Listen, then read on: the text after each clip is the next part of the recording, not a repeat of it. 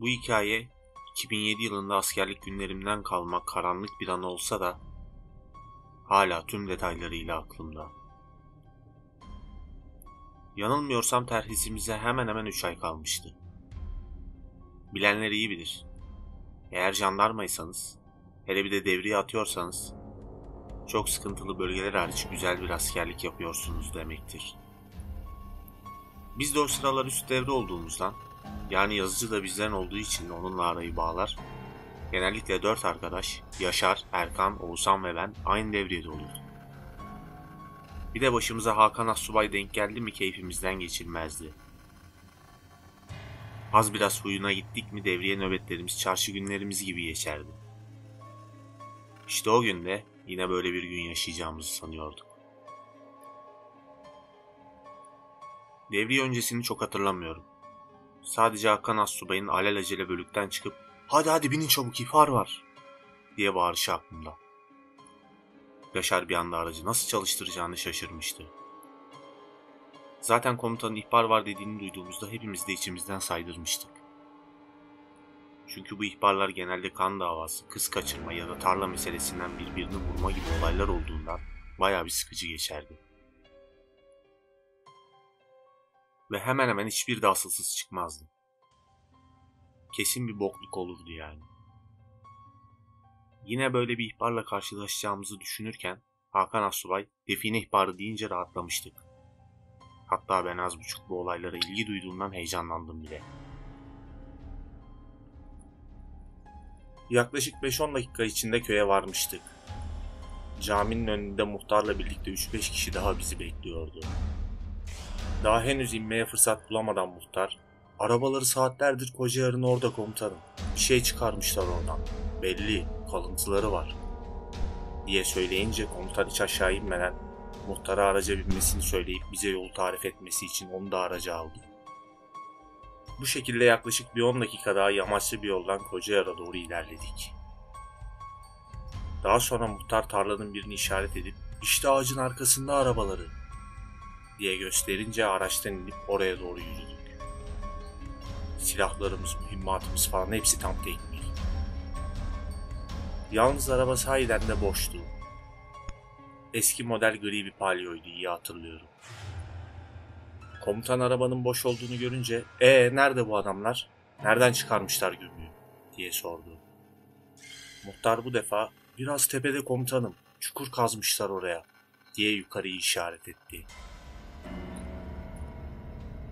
Biz bu esnada herhangi bir bitiniğine karşı komutanın emriyle G3'lerin emniyetini açmıştık. Fakat oraya vardığımızda sahiden de muhtarın dediği gibi daha yeni kazılmış bir çukur vardı. Etrafında birkaç testi parçası falan gördüğümü hatırlıyorum. Komutan o testi parçalarını incelerken bizim Erkan bu esnada bizden ayrılmış, biraz ilerideki çalıya doğru yürümüş. Biz fark etmedik o sıra onu. Bir anda komutanım burada eski kağıtlar var diye seslenince ona doğru döndük.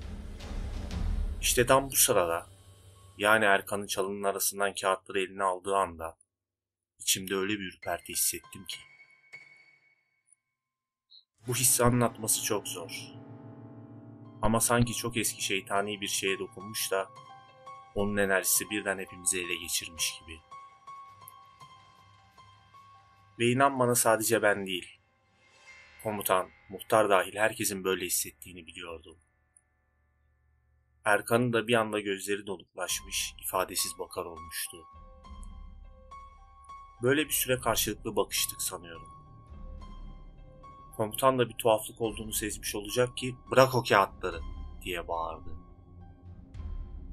Sanki hepimiz olduğumuz yerde dona kalmış, Erkan'ın bir an önce elindeki kağıtları yere bırakmasını bekliyorduk. Ama o bir süre daha o halde bize bakmaya devam etti. Sonra bir anda tüfeği bırakıp elindeki kağıtlarla birlikte tüm gücüyle koşmaya başladı. O öyle koşmaya başlayınca sanki vücudumdaki tüm kan çekilmiş gibi kas katı kasılmışım. Yaşarsa hemen dibimde titremeye başlamıştı. Sadece komutan hariç. Neyse ki komutan soğukkanlılığını kaybetmeyip ''Lan nereye gidiyor bu? Yakalayın şunu!'' Diye bağırınca bir anda kendimize gelip hepimiz birden koşmaya başladık. Arkasından lan dursana oğlum ne koşuyorsun diye sesleniyorduk ama nafile. Hiçbir şey söylemeden tepeye yani muhtarın koca yer dediği uçuruma doğru koşuyordu. Böyle yaklaşık yarım dakika falan koştuk galiba bilmiyorum. O kısa sürede kaç defa Allah'ım lütfen bitsin bu delilik diye dua ettiğimi sayamam. Neyse ki Allah'tan Erkan'dan daha hızlıydım. Çok geçmeden aramızdaki mesafeyi kapattım ve tam uçurumdan atlamasına birkaç metre kala bir anda elimi uzatıp arkasından kavrayıp yakaladım. Böyle bir çekmişim ki neredeyse yere düşecekti. Hemen onu yakalar yakalamaz elimdeki kağıtlara vurup bırak şunları diye savurunca kağıtlar rüzgarın da etkisiyle uçuruma doğru savruldu. O anda nasıl o kağıtlara ilk dokunduğu anda korkunç bir ürperti hissettiysem, şimdi de bir ferahlık hissetmiştim. Erkan da zaten bir anda kendine gelir gibi olmuş. Göz bebeklerine can gelmişti. Çok geçmeden diğer arkadaşlarım, komutan ve en sonunda da muhtar koşarak yanımıza geldiler. Komutan gelir gelmez niye koşuyorsun lan mal mısın? Uçurumdan mı atlayacaktın? Diye bağırınca Erkan bir anda uçurumun dibinde olduğunu fark edip ben, ben hiçbir şey hatırlamıyorum komutanım buraya nasıl geldim diye ağlamaya başladı. O anda yaşadığımız korkuyu inanın bana anlayamazsınız. Ortada tuhaf bir boklar dönüyor ama ne olduğunu hiçbirimiz bilmiyorduk. Komutan hemen olayın ciddiyetiyle durumu üstlerine haber etti. Ve hadise saatler içinde bizden çıktı. Sadece beşimizden değil, neredeyse tüm alaydan. Olayın bundan sonraki kısmı tıpkı Tarsus'taki esrarengiz kazı gibi bir sır perdesi olarak kalmıştır. Devamı ile ilgili sadece şunu söyleyebilirim. O gün orada gömü arayıp muhtemelen de bulan iki şahsın cesedi aramalardan sonra uçurumun dibinde bulundu. Olay basına yansımadı. O iki defineci orada ne aradı? O kağıtlarda ne yazıyordu?